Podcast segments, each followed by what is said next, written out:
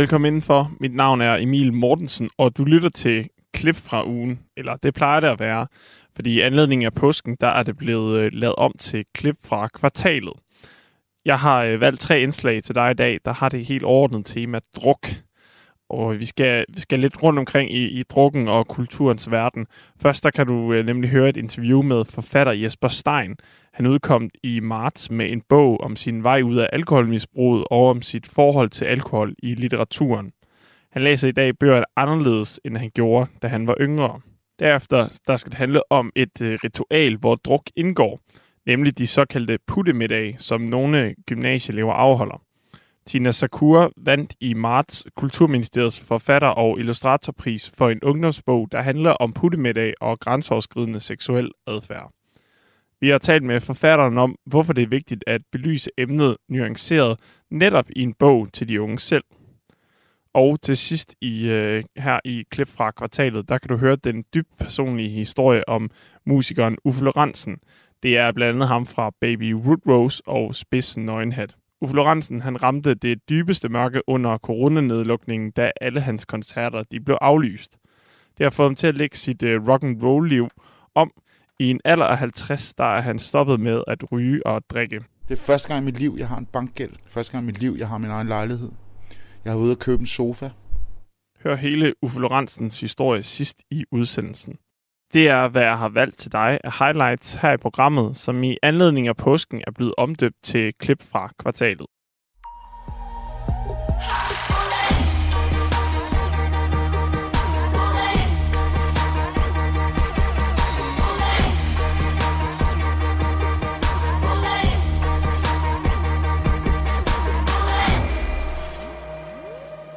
I 2018 skete der en række livsomvæltende begivenheder i forfatter Jesper Steins liv. Hans mor døde, og han blev skilt fra sin kone. Og så var det også i 2018, at han tog et opgør med den alkoholisme, der havde taget overhånd i hans liv, og Jesper Stein han blev ædru. Den 15. marts i Kreds, der kunne vært på programmet Maja Hall byde velkommen til Jesper Stein. Jesper Stein, velkommen til. Tak skal du have. Du har skrevet bogen øh, Ædru, som udkommer på Politikens forlag i morgen. Den handler om din vej ud af alkoholismen, men den handler også om din fascination af de store litterære værker. Værker, hvor alkoholen netop er omdrejningspunktet. Og det er for eksempel øh, et værk som Tom Christensens Herværk, det er Malcolm Lawrence under Vulkanen, det er Charles Bukowskis bøger om alter egoet Hank, Hank Chinaski, hvad hedder han? Chinaski. Chinaski, sorry. Og så, er det, og, så, og så er det jo så også nogle værker, dem jeg nævner op, øh, ramser op her, som du ser anderledes på i dag. Og det, nogle af dem skal vi dykke ned i senere her i snakken. Men inden vi kommer til det, det nye bog, det er en meget personlig øh, bog. Den behandler nogle rigtig svære emner, men det var faktisk overhovedet ikke svært for dig at skrive den. Hvorfor var det ikke det, Jesper Stein? Altså, det var egentlig ikke en bog, jeg havde tænkt mig at skrive, men øh, så blev jeg hyret af et øh, magasin i, i Aarhus for Center for Rusmiddelforskning, som spurgte, om jeg ikke ville skrive fem sider. Det skulle bare handle om afhængighed eller stof, det hedder magasinet. Og så tænkte jeg, det bliver godt. Og så, så begyndte jeg at skrive om, øh, hvordan jeg havde det en halv time, før jeg skulle øh, jeg mødte op til mit første møde i behandling. Og, øh, og da jeg havde skrevet det, der kunne jeg se, og jeg viste det til nogle af mine øh, forfatter, veninder, og de sagde begge to, jamen, der er, en, der er en helt vildt fed energi i det her, der, du bliver nødt til at skrive videre. Og så går jeg det, og så, ja, så faldt bogen sådan lidt ud af ærmet på mig i løbet af et par måneder.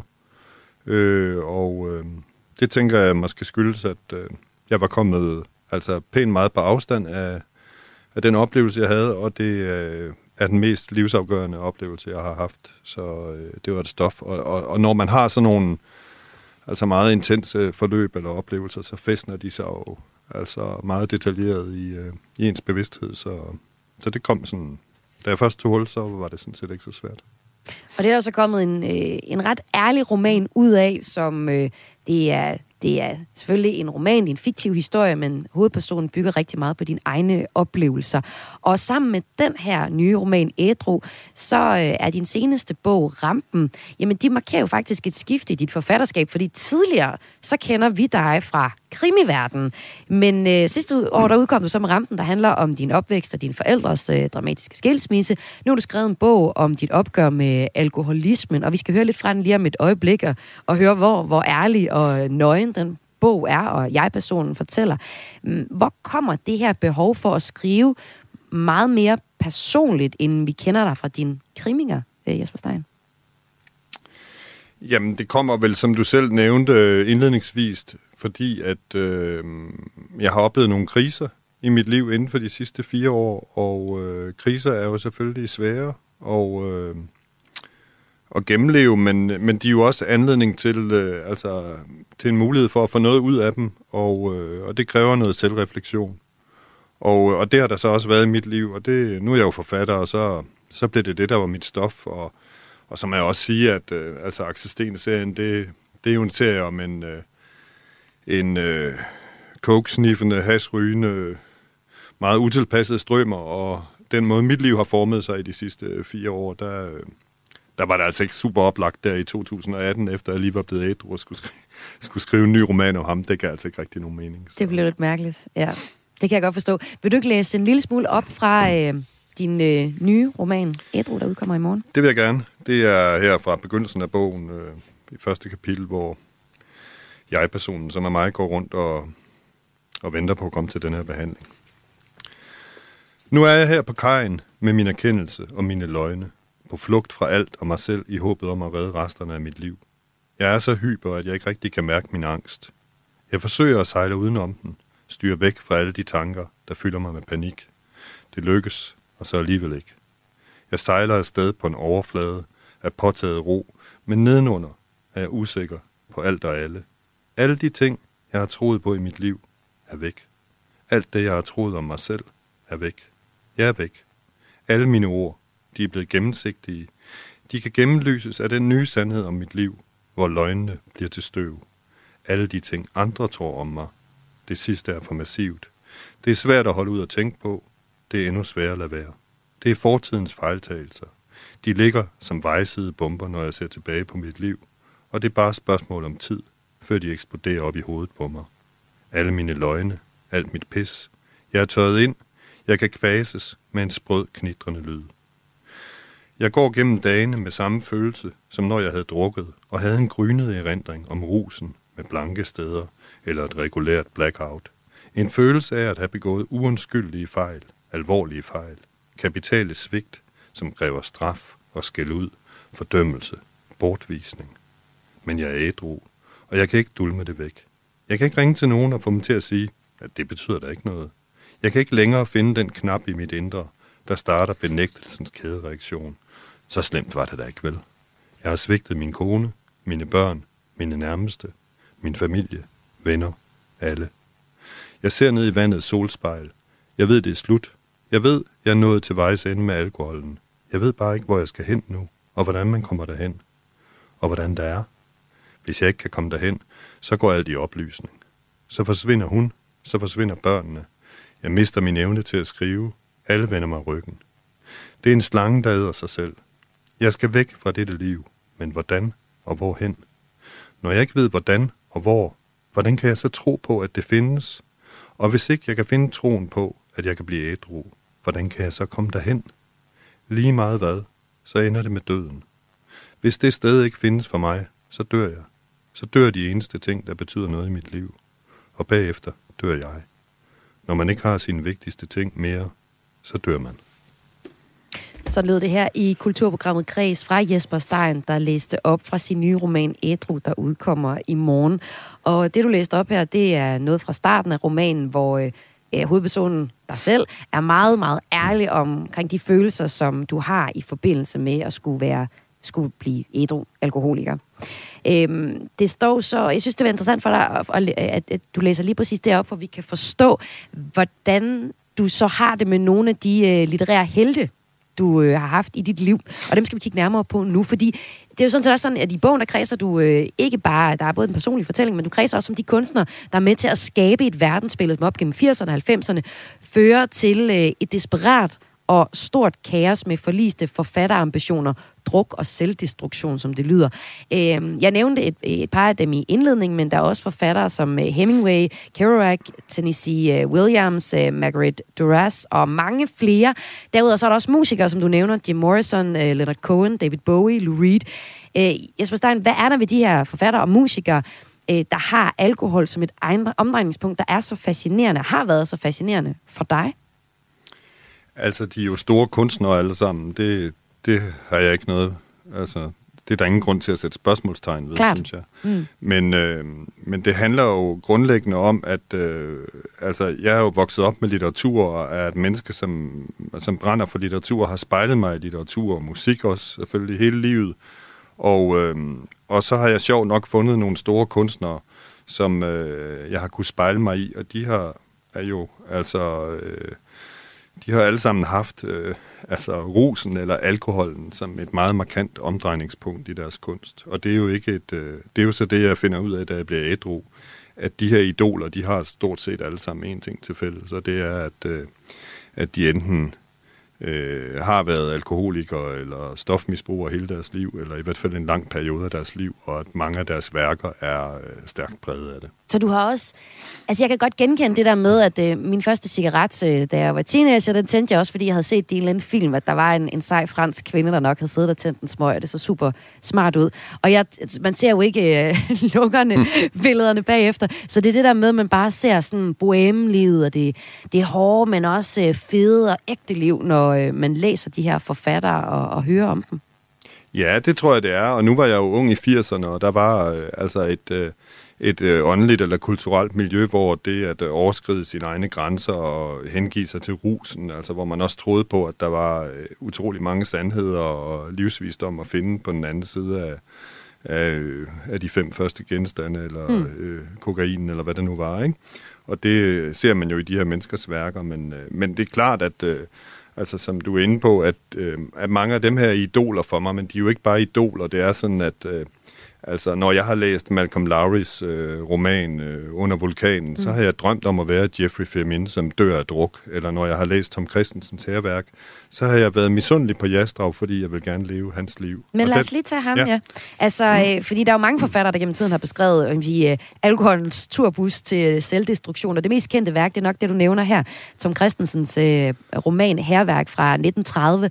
Øhm, det er jo så også en bog, du har fået et andet forhold til. I bogen, der har vi øh, hovedpersonen, øh, som øh, i romanen er journalisten Ole Jastrav, der kaster sig ud i en fordrukken derute. Vi kan lige høre lidt af den her. Det er en oplæsning fra det Kongelige Teater, der opsatte herværk i 2014. Der længtes mod skibskatastrofer og mod herværk og pludselig død. Jeg har længtes mod brændende byer og mod menneskeraser og flugt. Mod et opbrud, som ramte alverden og et jordskælv, som kaldtes Guds tugt. Jesper Stein, hvad betød øh, herværk, øh, romanen for dig, før du blev ædru?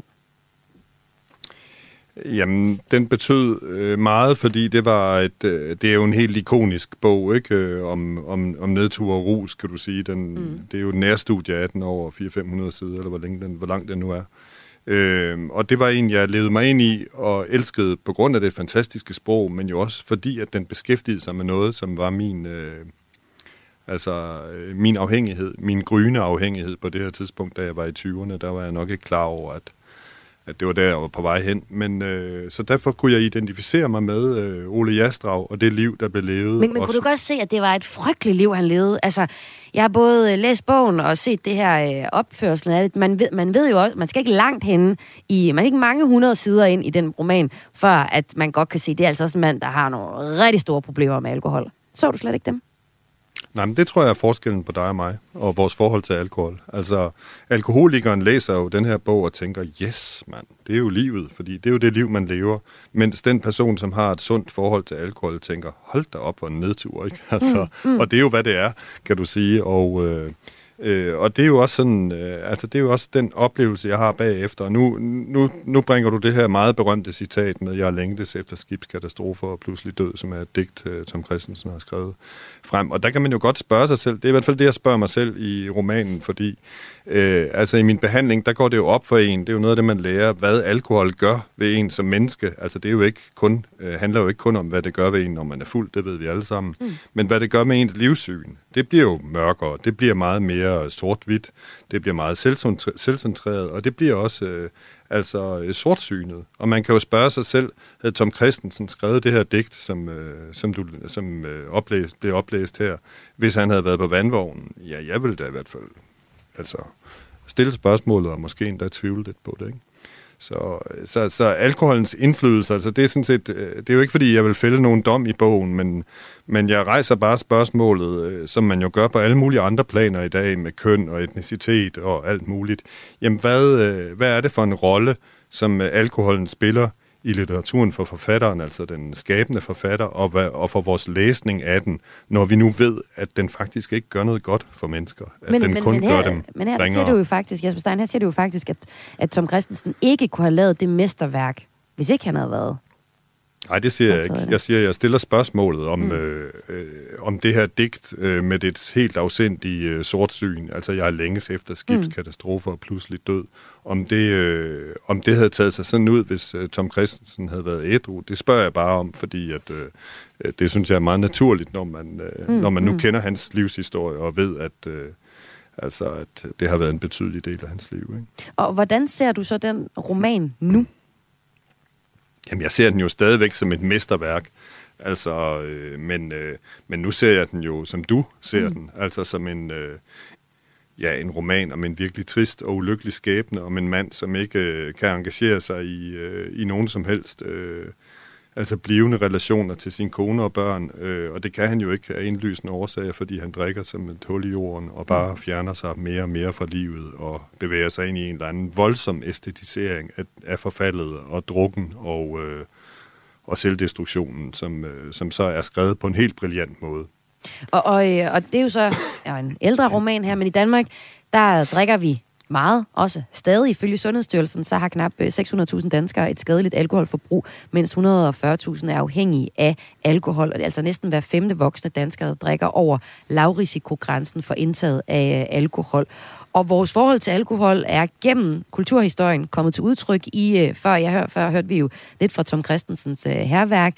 Øh, sidste år, hvis vi tager et aktuelt eksempel, der vandt den danske film Druk en Oscar for bedste internationale film. Det er en film, hvor vi følger fire venner, der som har et eksperiment, der beslutter sig for hele tiden at have en alkoholpromille på minimum en halv procent. Senere på måneden, der har Teater Sortvid på Frederiksberg premiere på en genopsætning af stykket der drikker. Det er en øh, monolog om at være fanget i et alkoholmisbrug. Så her afslutningsvis, øh, Jesper Stein, øh, hvorfor tror du, at alkohol fylder så meget for os i Danmark?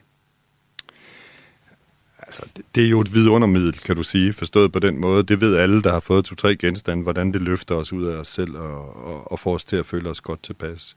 Men, men det fylder vel også, fordi at vi i Danmark har en øh, kultur, øh, hvor alkohol er synonymt med livsglæde. Øh, og, øh, og det er jo altså ikke kun for alkoholikerne, det er jo for os alle sammen, når vi skal feste og fejre og have sex og danse, og så vil vi gerne have en lille promille. Og det, øhm, og det er jo ikke fordi, at, øh, at nu er jeg blevet tørlagt, og så skal I alle sammen holde op med at drikke. Det her, I må gøre lige, som I vil. Men altså, jeg tænker, at, øh, at der er nogle elementer af den kultur, som, øh, som måske ikke er super sunde. Særligt ikke for de 140.000, du nævnte, som, som er afhængige, og som jo er i færd med at begå langsomt selvmord. Det skulle man måske overveje, om man kunne altså dreje det lige måske 10 grader på en anden måde. Det har du gjort, og det har du skrevet en øh, bog om, den hedder Ædru. Tillykke med den, og Jesper Stein, tak fordi du var med i dag. Tak skal du have.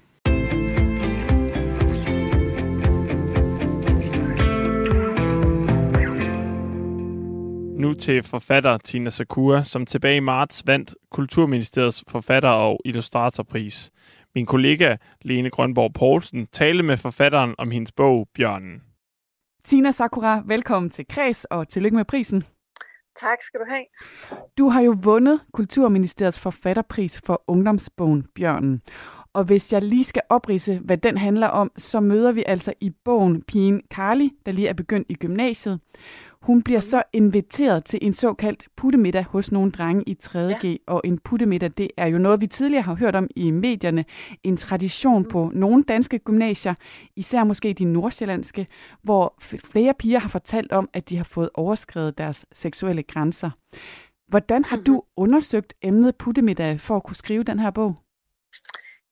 Jamen, øh, altså jeg blev faktisk øh, spurgt, om jeg ville skrive øh, den her billednovelle, øh, sådan en serie, som Carlsen har, øh, om jeg ville prøve at lave sådan en til unge. Carlsen, som i forladet Og, øh, Carlsen.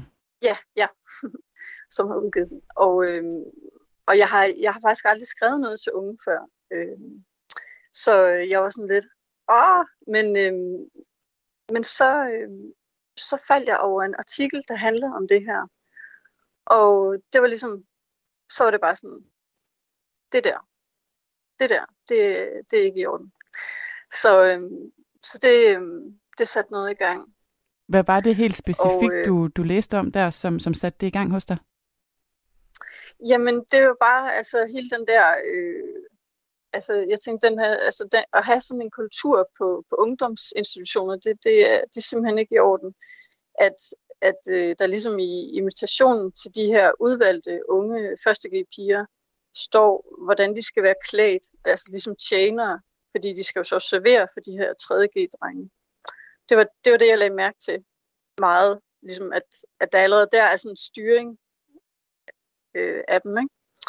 Øhm, og så det, at de skal være øh, klatbarberet på, på kønnet, det er, øh, det er sådan noget, jeg har, har tilføjet. Men øh, det, det er sjovt, øh, nu vi taler om, jeg kan faktisk ikke så godt huske selve, øh, hvad skal man sige, det seksuelle overgreb, i, som der var i artiklen. Altså der har jeg ligesom øh, selv gået ind og, øh, og fundet på øh, den aften. Øhm, og faktisk også, måske, jeg tror, jeg skruede lidt ned øh, for det, selvom det også er slemt, men øhm, fordi jeg synes, at faktisk hele konceptet, og, og så hele den her invitation, altså, det, altså bare det, det er bare for meget.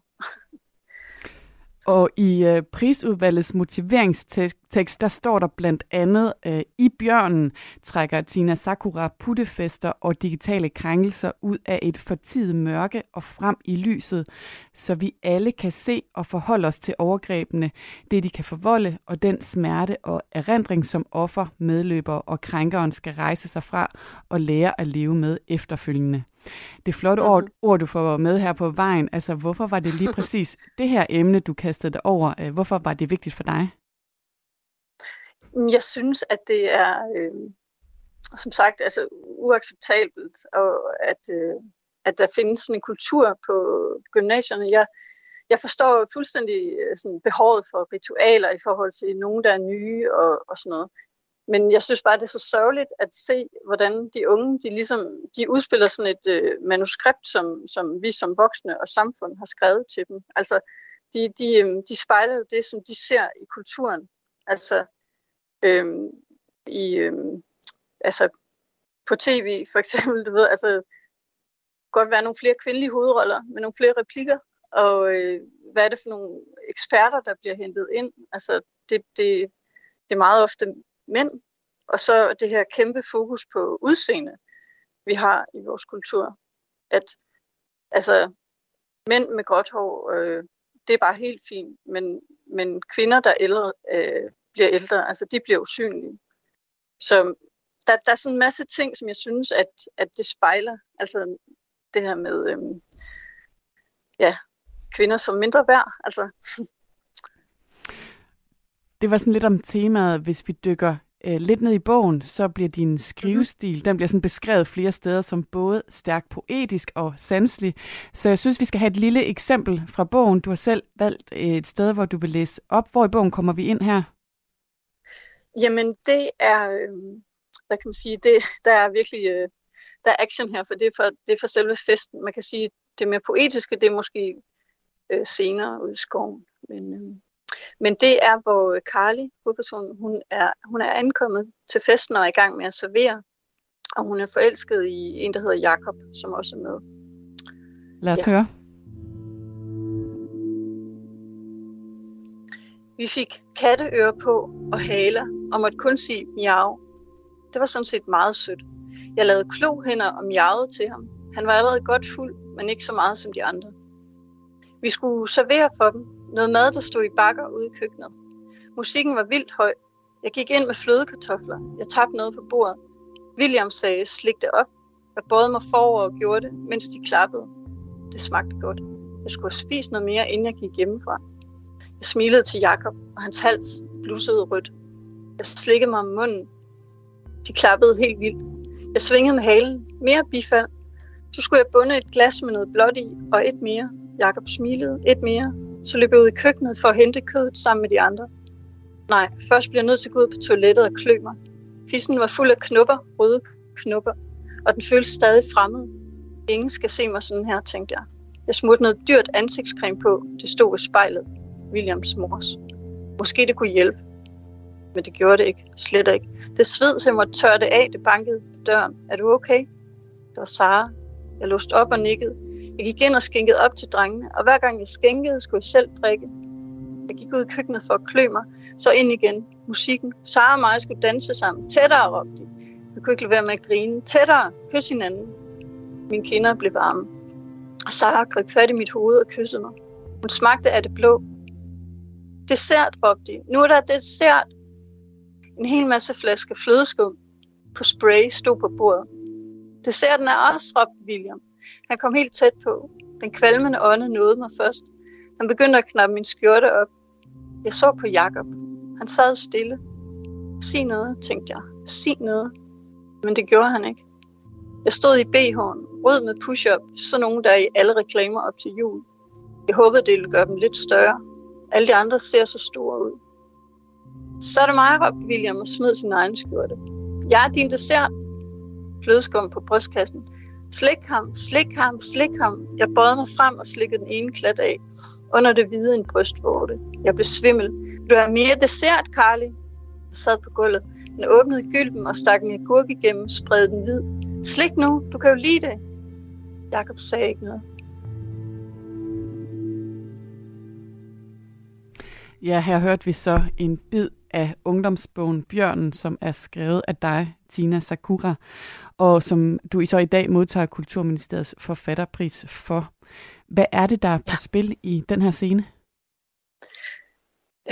Jamen, det er jo, at, altså, at vi, vi mærker, hvordan at, øh, at Carly, hun egentlig ligesom, altså hun er jo benådet over at være udvalgt øh, til at komme med til den her fest. Ikke? Altså, øh, men hvordan hun så hun prøver at spille med og hvad du ved, den sexede kat, og, men, men hvor det ligesom bare løber løbsk i løbet af, øh, af, af scenen her. Ikke? Altså, og øh, hvor hun altså får sine grænser overskrevet øh, øh, af Måske William der. og så, egentlig er opdage, hvornår det sker. Ja, men også fordi hun er jo, altså, hun har jo drukket, og altså, hun er jo meget under pres, ikke? Det, der sker videre i bogen, det er så, at nogle af de her billeder, der bliver taget til den her puttemiddag, øh, hvor hun øh, laver nogle af de her ting, de bliver delt på sociale medier. Og det fører mm. så til en stor skam for hende. Men i bogen, mm-hmm. øh, der kan man sige, at hun vinder også noget af sin, øh, skal vi kalde det, urkraft tilbage. Altså, det gør hun blandt andet mm-hmm. ved at være i naturen. Hvad er det for en pointe, du prøver at skrive frem her? Ja, men altså, øhm, inden hun går ud i, i naturen, der, altså, der onanerer hun også.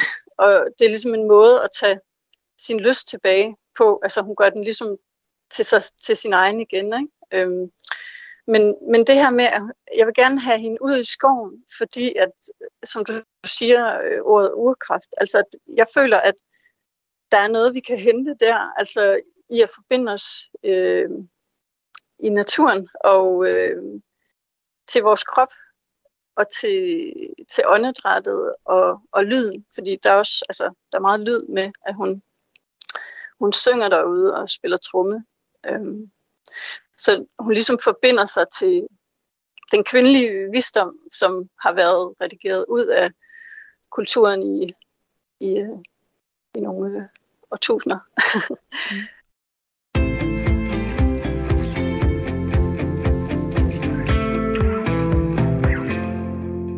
lytter til det, der normalt hedder klip fra ugen, men som øh, i denne uge hedder klip fra kvartalet i anledning af, at øh, Kreds holder påskeferie. Jeg har øh, fundet nogle øh, highlights frem til dig fra det seneste kvartal, som øh, alle sammen øh, har øh, omdrejningspunkt omkring øh, druk og øh, drukkultur. Det, du skal høre nu, er en historie om en musiker, der i mange år har levet et øh, rock and roll liv med øh, druk og hvad der ellers hører til. Han øh, lagde sit liv om efter coronanedlukningerne hvor han blev øh, depressiv. Vært på Kreds Maja Hall sætter scenen. Musikeren, det er Uffe Lorentzen, også kendt som Guff eller Lorenzo Woodrose. Han er en outsider i dansk musik. En, der hører til og holder af undergrunden, hvor han gennem de sidste 30 år har skrevet langt over 500 sange og sunget endnu flere og spillet på Orange Scene på Roskilde Festival med bands som Baby Woodrose og Spids Nøgenhat. Orkestre, der begge er inspireret af den øh, psykedeliske 60'er og 70'er rock. Når jeg flyver ud af Sjællands brune Og luftballon stiger op På helt tilfældig vis På Lolland Lolland Falster Lolland Lolland Falster Men under coronanedlukningen, så røg Uffe Lorentzen ned i et mørkt, sort hul. Der var ikke noget at lave, og det gjorde ham syg, og han begyndte at drikke flere øl, end han plejer, for at falde i søvn om aftenen. Jeg havde sådan et par, par aftener, hvor jeg drak mig så øh, sanseløst beruset, øh, at jeg tudede og øh, fik sparket til nogle sidespejle på nogle biler, og kaldte alle folk nogle røvhuller, og fik smadret en rude, og øh, endte med at ligge på Blejdomsvej en sen aften, sådan en ret trafikeret vej på Nørrebro, og, og skrige op mod himlen, så hjælp mig dog. Og så besluttede Uffe Lorentzen sig for at lægge sit liv om. Han var simpelthen kommet for langt ud, livet var for sort.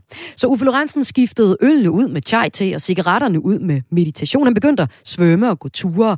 Og som en del af processen, så begyndte han også at skrive hudløst ærlige Facebook-opdateringer. Og de Facebook-opdateringer, det er dem, det skal handle om nu her i Kreds. For jeg mødtes med Uffe Lorentzen inden hans første koncert på Forhus-turnéen. Og selvom at turnéen hedder mere negativ end nogensinde før, så er det ikke helt sandheden om den sindstilstand, Uffe Lorentzen befinder sig i lige nu. Skægget er røget, og vi drak sodavand og alkoholfri øl, da vi mødtes backstage på spillestedet Radar i Aarhus. Der er et lys i Uffe Lorentzens øjne.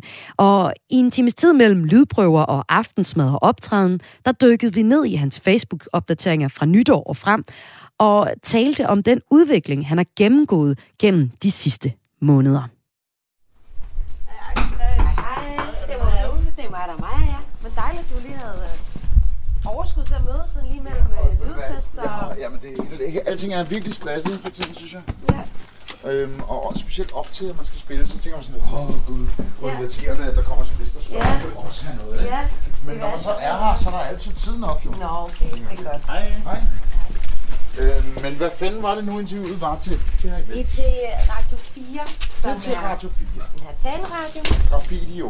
Og det, jeg godt kunne tænke mig at snakke med dig om, Ja. det er øhm, nogle af de Facebook-opdateringer, du har lavet. Åh oh, gud, ja, okay. Ja. Ja.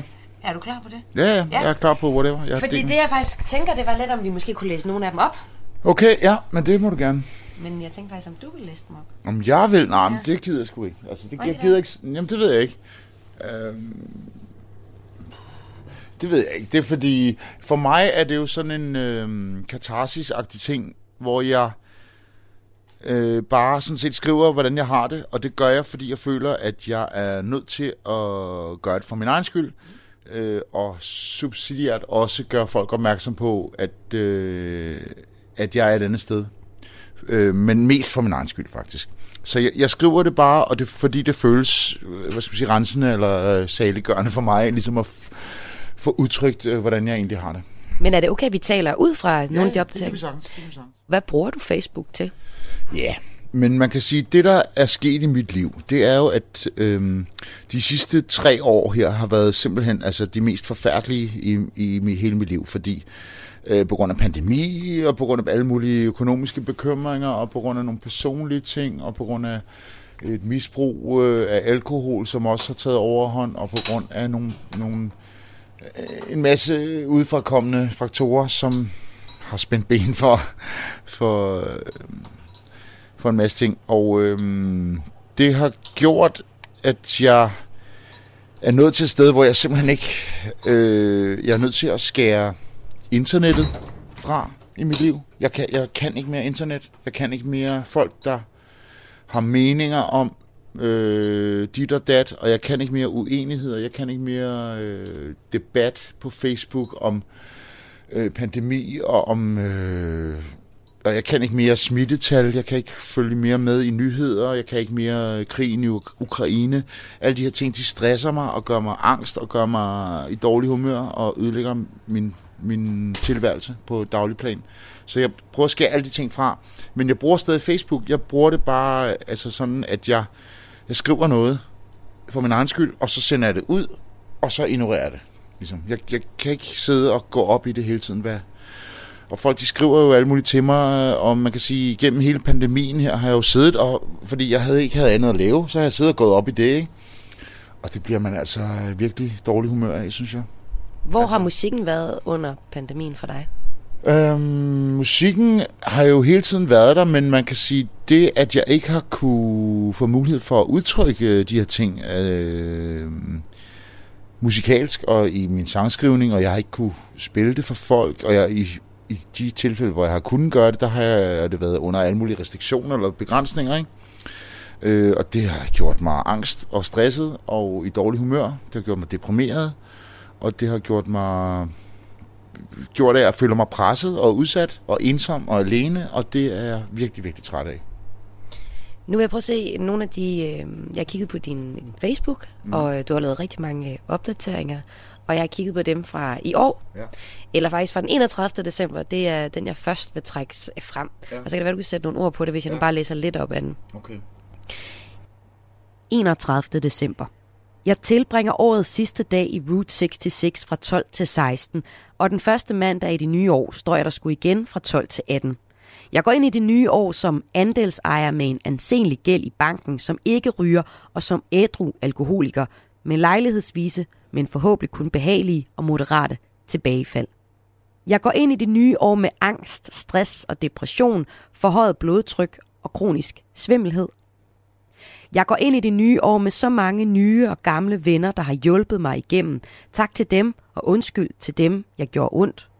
Jeg går ind i det nye år med tredje stik og naturlig immunitet oveni.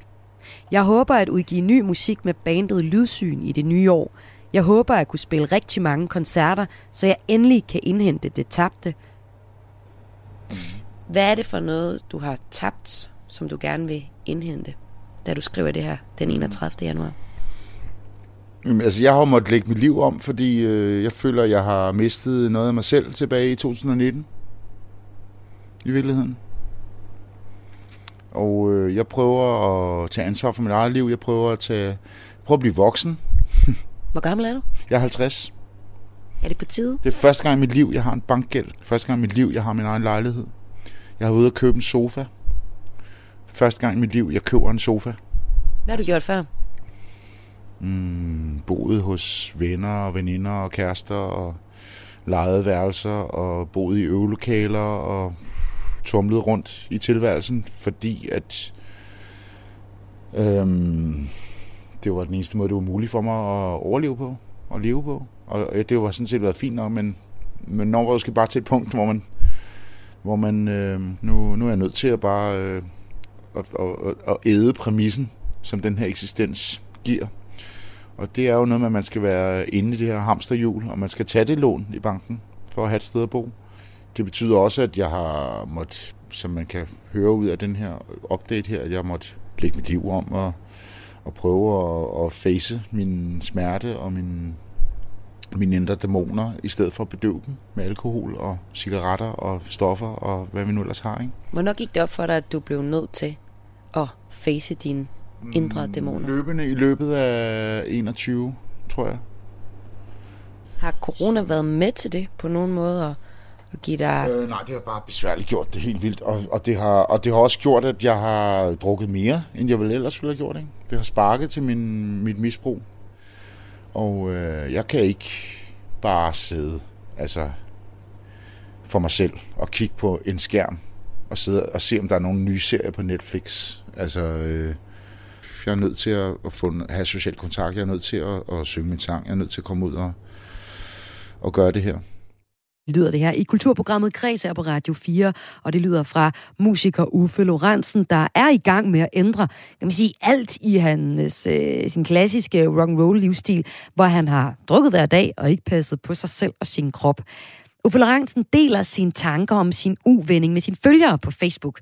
Der kommer rigtig mange kommentarer, når han skriver, folk genkender sig selv i Uffe Lorentzen, og i det næste kapitel i Uffe Lorentzens, ja, vi kunne kalde den en, en online øh, Facebook-dagbog, der kigger mørket også stadig frem, selvom han prøver at ændre sig og få det bedre. 15. januar. Alle de ting, jeg gør for tiden, gør jeg for ikke at blive sindssyg. Af ensomhed, af at afvente, af bekymringer, af tvivl, af angst, af stress, af sorg. Jeg spiser sundt, motionerer, går lange ture, svømmer stedigt, cykler formålsløst, drikker ikke, ryger ikke, tager ikke stoffer, laver aftaler med folk konstant, arbejder hårdt, taler og taler og taler, tuder og tuder og tuder. Med tilfældige venner, fjender, bekendte læger, behandlere og terapeuter. Jeg har været tæt på at miste den totalt et par gange de sidste år, men nu kæmper jeg igen for, at det hele ikke skal falde fra hinanden. Mm. Hvordan er det, når jeg læser det op med, at du for eksempel tuder og tuder og tuder? Mm, Det, er- det er jo smertefuldt for mig jo. Det er også derfor, jeg ikke selv har lyst til at sidde og læse det op, fordi, fordi det her er jo noget, jeg skriver, fordi at det er sådan, jeg har det. Det er ikke noget, jeg skriver for at få øh, du ved, folks øh, medlidenhed, eller accept, eller likes, eller noget som et andet. Det er noget, jeg skriver, fordi at det er sådan, jeg har det. Og jeg er nødt til at skrive det her, fordi at det er sådan, jeg har det. Men der er jo mange, der liker og kommenterer det. Ja, ja, det må de gerne, men, Betyder men det det er noget ikke for derfor, dig? jeg gør det. Jeg, jeg gør det, fordi eller jeg gjorde det lige på det her tidspunkt, fordi jeg havde, jeg havde det forfærdeligt, ja. og jeg, og jeg øh, var virkelig bange for, at øh, det er svært at forklare. Vi kommer jo ind på, hvad skal sige, min, min, mine mentale øh, øh, issues, ikke? Men, øh, men øh, jeg har igennem hele det her forløb haft en fornemmelse af, at det her, det er, det er begyndelsen på, på enden, eller det er starten på, på, på dommedag, eller på, på altings afvikling, Hvad mener du med det? det jeg siger. Altså, øh, det, det er første tegn på, at, at den her civilisation er ved at, ved at gå ned. Og at det kun bliver værre herfra. Jamen det værste er jo, at, at hvis man har det sådan, så kan alting jo være lige meget. Ikke? Så bliver man jo netop pisse lige glad ikke? med, hvad der ellers sker omkring en. Ikke? Og så sover man en masse mennesker, som man elsker, og som faktisk elsker en, og man godt kan lide. Og man... Øh, tingene, ting holder op med at, give, at have betydning. Ikke? Så jeg er nødt til at finde noget, noget, der giver mening. Og jeg er nødt til at finde meningen i de ting, jeg gør. Og, og der er- bliver jeg ved med at vende tilbage til, hvad betyder noget? Det gør musik. Musikken betyder noget. Så det er det, jeg prøver at fokusere på. Så jeg, jeg, jeg, jeg tvinger mig selv til at lytte til musik, fordi det kan jeg mærke, det er det eneste, der ikke stresser mig. Det er at sidde og lytte til musik. Jeg tager lige en vindhætte på den her, fordi der kommer lige lidt pust, og det skal der bare komme. Men, øh, den gider jeg ikke at have med. Ja, her må jeg holde en pause i mit interview med musiker Uffe Lorentzen, som jeg fanger lige inden hans første solokoncert øh, på turnéen Mere Negativ end nogensinde. Og øh, jeg bliver nødt til at få en vindhætte på, for der er meget luft, og der er mange suk i det, Uffe Lorentzen fortæller os her i interviewet til Radio 4's kulturprogram Kres. Mens jeg finder vindhætten frem, så styrer Uffe Lorentzen direkte over til sin telefon. Selvom han egentlig ikke gider at spille tid på, hvad der bliver skrevet og sagt af nyheder og kommentarer på Facebook, så er det enormt tydeligt for mig, at telefonen stadig fylder rigtig meget i hans liv. Måske skyldes det så også øh, begejstring over endelig at skulle spille en koncert. Endelig at skulle spille en koncert for over 100 mennesker, som han skal den aften, hvor jeg møder ham. Op til aften, der har han i hvert fald ivrigt delt begivenheden på øh, Facebook. Og i det hele taget, så er der sket noget i Uffe Lorentzens Facebook-opdateringer på det seneste her i marts. De er ikke længere fuld af, af suk. Der er også lyspunkter. Jeg har en, øh, en update mere, jeg godt kunne tænke mig at, at tage med. Øh, kan, er det okay? Ja, ja. Okay. Men du behøver ikke læse det hele op måske, eller hvad? Jeg kan godt huske dem. Hvis Jeg kan godt bare læse lidt af det Ja, op ja, så. Ja. Det er den her fra den 27. januar om døgnrytmer. Ja. Mit nye jeg vågner klokken 7.30. Jeg stiller mig på vægten som det første 108,4 i dag. Jeg laver en kop te eller chai. Okay, hvornår var det? Det er fra den 27. 27. januar. januar, wow. Ja. ja. Hvad tænker du, når du hører det? Jamen, jeg hørte bare, at du, der står 107 kilo. Nej, 108,4, ja. Nå, men jeg har smittet på kilo siden da. Det er godt nok. Er det en del af din, dit nye jeg? Ja, fordi øh, jeg har nogle, øh, også udover at den er helt galt med mit hoved, så er der også, øh, jeg har nogle psykiske udfordringer, så har jeg også nogle fysiske. og en af dem er for højt blodtryk og øh, en overvægt, som jeg har smidt, eller forsøgt at smide. Ja, du skriver her, Jeg at du... smidt det meste af, ikke? Ja, du skriver her, at du, øh, i de forhold til det psykiske, at du spiser dine piller, kun ja. Ja. en stor dosis D-vitamin, perikum for humøret, samt blodtryksmedicin. Ja. Um, Amlodipin. am, ja, amlodipin. Og du vil gerne slippe for det sidste. Hvad med... Det ved Øh, godt, men det, ved jeg, det må jeg vist ikke endnu. Eller det kan jeg vist ikke endnu. Jeg har stadig for højt blodtryk.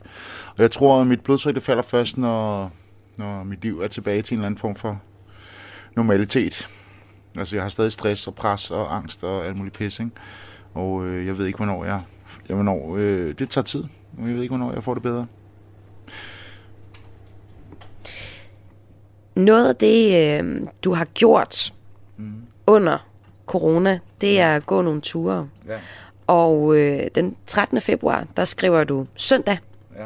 Ja, jeg går stadig en tur hele vejen rundt om søerne hver aften med hvem der end dukker op foran Uleapoteket ved Louises Bro kl. 22. Ja. Turen tager cirka halvanden time. Alle er velkomne, og man sover godt bagefter. Ja. Den her update har du lavet mange gange. Ja.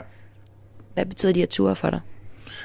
Mm, jamen, det var fordi, at øh, altså, jeg, plejer, jeg har altid gået på værtshus og drukket alkohol. Har drukket et par bajer til at sove på, ikke? inden jeg går i seng. Og øh, det, det har jeg så ikke kunne gøre mere. Det er, det er den ene ting. Den anden ting er, at øh, jeg kan godt lide den sociale kontakt, og jeg frygtede, at vi skulle igennem fire og en halv måneds øh, hvad hedder det, lockdown eller nedlukning igen. Ikke? Det vil sige, at alle værtshusene var lukket igen ligesom sidste vinter, hvor det hele i virkeligheden gik galt. Altså for mig, det var katastrofalt, øh, altså katastrofalt for mit sociale liv, ikke? Og øh, det var det, jeg frygtede, så jeg tænkte, jeg måtte prøve at finde en løsning, der ligesom kunne løse de, de to problemer. Så derfor begyndte jeg at, at annoncere de her gåture her. Og øh, det, det har jeg faktisk ikke... Jeg er faktisk lidt stoppet med det nu. Sådan. Men øh, der har været nogle virkelig spændende oplevelser. Der har været nogle, nogle jeg har mødt en masse forskellige mennesker og talt med en masse forskellige mennesker, og som gik med af alle mulige forskellige grunde, og som havde alle mulige øh, problemer af deres egne, og, og folk, jeg kendte, folk, jeg ikke kendte, folk, jeg er blevet virkelig tætte med, og blevet gode venner med, øh, efter at have gået med dem lange ture, ikke? Og man får sludret om dit og dat. Om andre musikere, der, der, der, der synes, det var interessant at gå og tale om musik, og, og om alt. mennesker, som har nogle andre udfordringer i deres liv, og det, det har været inspirerende, og det har også været sundt. Jeg dyrker motion hver dag, jeg går i svømmehallen hver dag, og jeg går en tur hver dag. Ja, og det kunne jeg faktisk godt tænke mig at læse noget op fra, fra Okay. den 22. februar. Okay. Folk siger til mig, at jeg ser godt ud ret ofte for tiden. Ja. Og det er nok, fordi jeg er blevet slank igen af al den svømning, god tur og sund kost. Men jeg må indrømme, at jeg stadig har det, som om jeg står og går lige ved siden af mig selv. Mit hjerte banker hårdt og hurtigt, og jeg føler mig stadig svimmel dagligt. Det er altid værst om formiddagen, men de 2-3 kilometer i svømmehandel, det er godt nok mange kilometer. Jeg svømmer 1 kilometer, så er jeg altså færdig. En kilometer, det er en halv time for Ja, ja. Du, du tager lige... kilometer er to timer. Ja. Og hvis jeg, hvis jeg gider, så tager jeg tre, så tager jeg halvanden time. Ja, det er sgu sejt. Problemet er, at når jeg skal sove, så kommer det hele igen. Angsten, tvivlen, bekymringerne. Med mindre jeg simpelthen går mig selv træt, og der kommer gangen jo sådan set igen. Øhm, så skriver du også, øhm, anyway, forleden, så skete det her så nok mest ud af ren desperation, så på forhånd, sorry til dem, der savner skægget. Det vokser ud igen. Jeg synes selv, jeg ligner mig selv som 16-årig ret godt, bare med en anden farve hår og lidt rynke under øjnene. Man kan se, at det stadig er mig på tøjet. Hvad betyder det for dig at klippe skægget? Og jamen, det er jo sådan en eller anden øh, symbolsk handling, ikke, kan man sige. Øh, jeg følte, at jeg, jeg føler, at jeg er i gang med at finde et nyt jeg, og, øh, og finde en ny måde at leve på, og finde en ny måde at være på, ikke? Jeg ved ikke om... Jeg, jeg er jo stadig... Øh, jeg har stadig mange af de samme problemer, og mange af de samme fysiske symptomer, som jeg havde for tre måneder siden Hvad er det for nogen? svimmelhed og, og vejrtrækningsproblemer og hjertebanken og for højt blodtryk. Hvornår har du det? Det er hele tiden. Så også lige nu. Ja. Men, øh, men, men selvfølgelig, som øh, sagen er jo den, at vi skaber os selv vores virkelighed, ikke? og jo mere vi fokuserer på noget, jo, jo større bliver det. Ikke? Jo, det er ligesom, øh, hvad man ser på. Ikke? Man kan kigge på en, en, en lavkage, ikke? Og, og, altså, eller hvad det nu end er, der er i synsfeltet. Ikke? Og, og det, det, man kigger på, det virker tættere på end alt det andet. Ikke? Det, og det er sådan, vi opfatter vores virkelighed, og det er sådan, virkeligheden er. Det, det er også noget, vi skaber selv. Ikke? Så jo, når jeg sidder og snakker med dig, så fokuserer jeg jo ikke så meget på, hvor hurtigt mit hjerte banker. Men hvis jeg sidder alene derhjemme og skal til at sove, så kan jeg love dig for, at det er det, der bliver fokuseret på. Ikke? Så selvom det øh, lysner, så er musiker Uffe Lorentzen altså ikke ude på den anden side. Han er ikke over sin stress og depression, som han fortæller om. Han har det er stadig rigtig, rigtig dårligt, og øh, nogle gange, som han fortalte mig, da jeg mødte ham lige inden hans første koncert på øh, Forhus-turnéen, som han altså er på lige nu. Og han holder fast i, at coronanedlukningerne har skubbet ham helt derud. Jeg man kan sige, livets T-kryds, hvor kun en bræt beslutning og en bastant beslutsomhed kan ændre på tingene. Men jeg kan ikke lade være med at tænke, da jeg talte med Uffe Lorentzen, at det under alle omstændigheder er en god uvending, Uffe Lorentzens liv er ved at tage. Men okay, hvad ved jeg om rock and roll kunstners liv? Nu har jeg jo læst nogle forskellige øh, opdateringer op fra din Facebook-profil, og det stopper sådan lidt. Øhm, Nå, gør det det? der er masser af dagens albums. Ja. De fylder mere og mere, ja. og de personlige opdateringer, de bliver færre og færre. Okay. Nu er det, der fylder Det rigtig meget godt. også. Det er nok godt. Nej, hvad tror du, det er et udtryk for? Jamen, det tror jeg, det er et udtryk for, at det går bedre, ikke? Men man kan sige, der er jo også i mange af de der dagens albumsopdateringer, der er jo også øh, rigtig meget af sådan noget, hvor jeg husker tilbage på mit eget liv, og husk, prøver at fange mig selv, og prøver at redefinere, hvem jeg er, og hvorfor jeg er det, og hvad er det for nogle oplevelser, hvad er det for nogle mu- musikalske øh, inputs, der har gjort mig til den, jeg er, ikke? Mm. For, for at finde ud af, hvem jeg egentlig er. Men det sidste... Jeg, jeg, rent faktisk øh, kom jeg lidt i tvivl, og jeg, jeg, altså, som jeg skrev i den der, jeg var ved at miste den på et tidspunkt. Ikke? Der mener jeg, at, at jeg følte virkelig, at jeg var ved at blive lidt skør altså på et tidspunkt. Øhm, og øh, altså, alkohol spillede der helt klart en, en rolle i det, men, øh, men, øh, men også følelsen af, at, øh, at det ikke betyder noget, og følelsen af, at, at, at at, at blive glemt, at, være, at, at blive ignoreret, at, blive, at føle sig fuldstændig altså, usynlig på en eller anden måde. Ikke? Ja, Hvor- hvor, hvor- hvor... hvem? Ja, altså i forhold til, at øh, jeg lever jo af, altså jeg var nødt til at sætte nogle DJ-ting øh, ting op på nogle små barer, fordi hele min sæson var aflyst. Ikke? Så jeg arrangerede nogle små DJ-ting på nogle små værtshuse, hvor folk skulle sidde ned. De måtte ikke engang danse, vel? Og der kom 25-30 mennesker ikke? på mange af de her steder.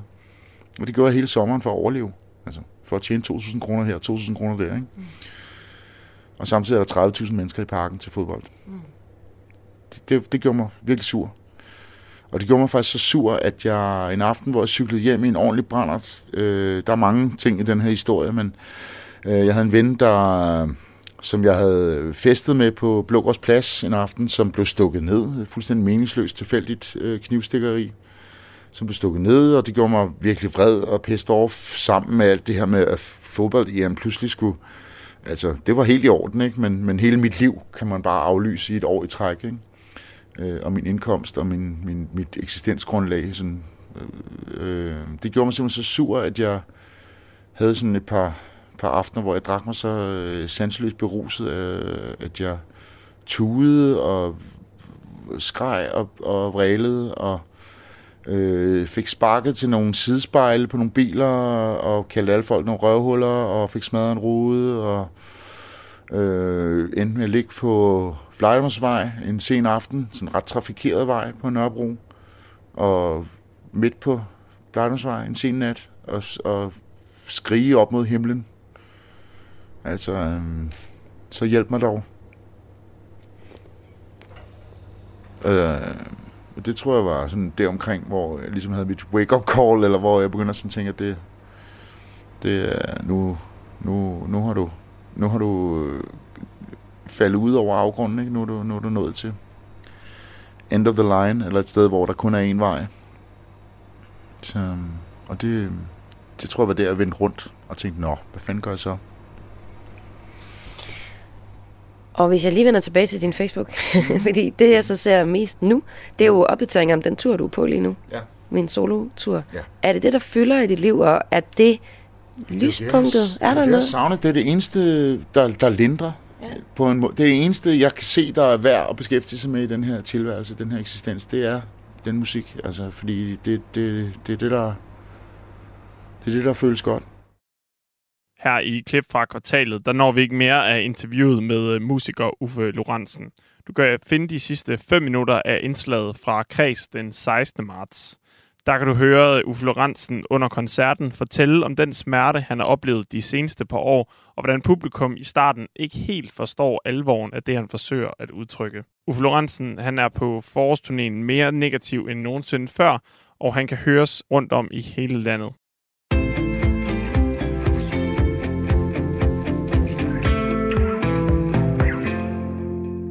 Det var det, jeg har fundet frem til dig her i det program, der normalt hedder Klip fra ugen, men som i anledning af påskeferien er blevet omdøbt til Klip fra kvartalet. Hvis du har et tip til en historie, så send en mail til kraes radio4.dk. Kunne du tænke dig at høre med i næste uge, hvor vi sender til normal tid igen fra mandag til torsdag, så kan du øh, finde os på Radio 4's app eller lytte med live i radioen. Mit navn er Emil Mortensen, og tak fordi du lyttede med.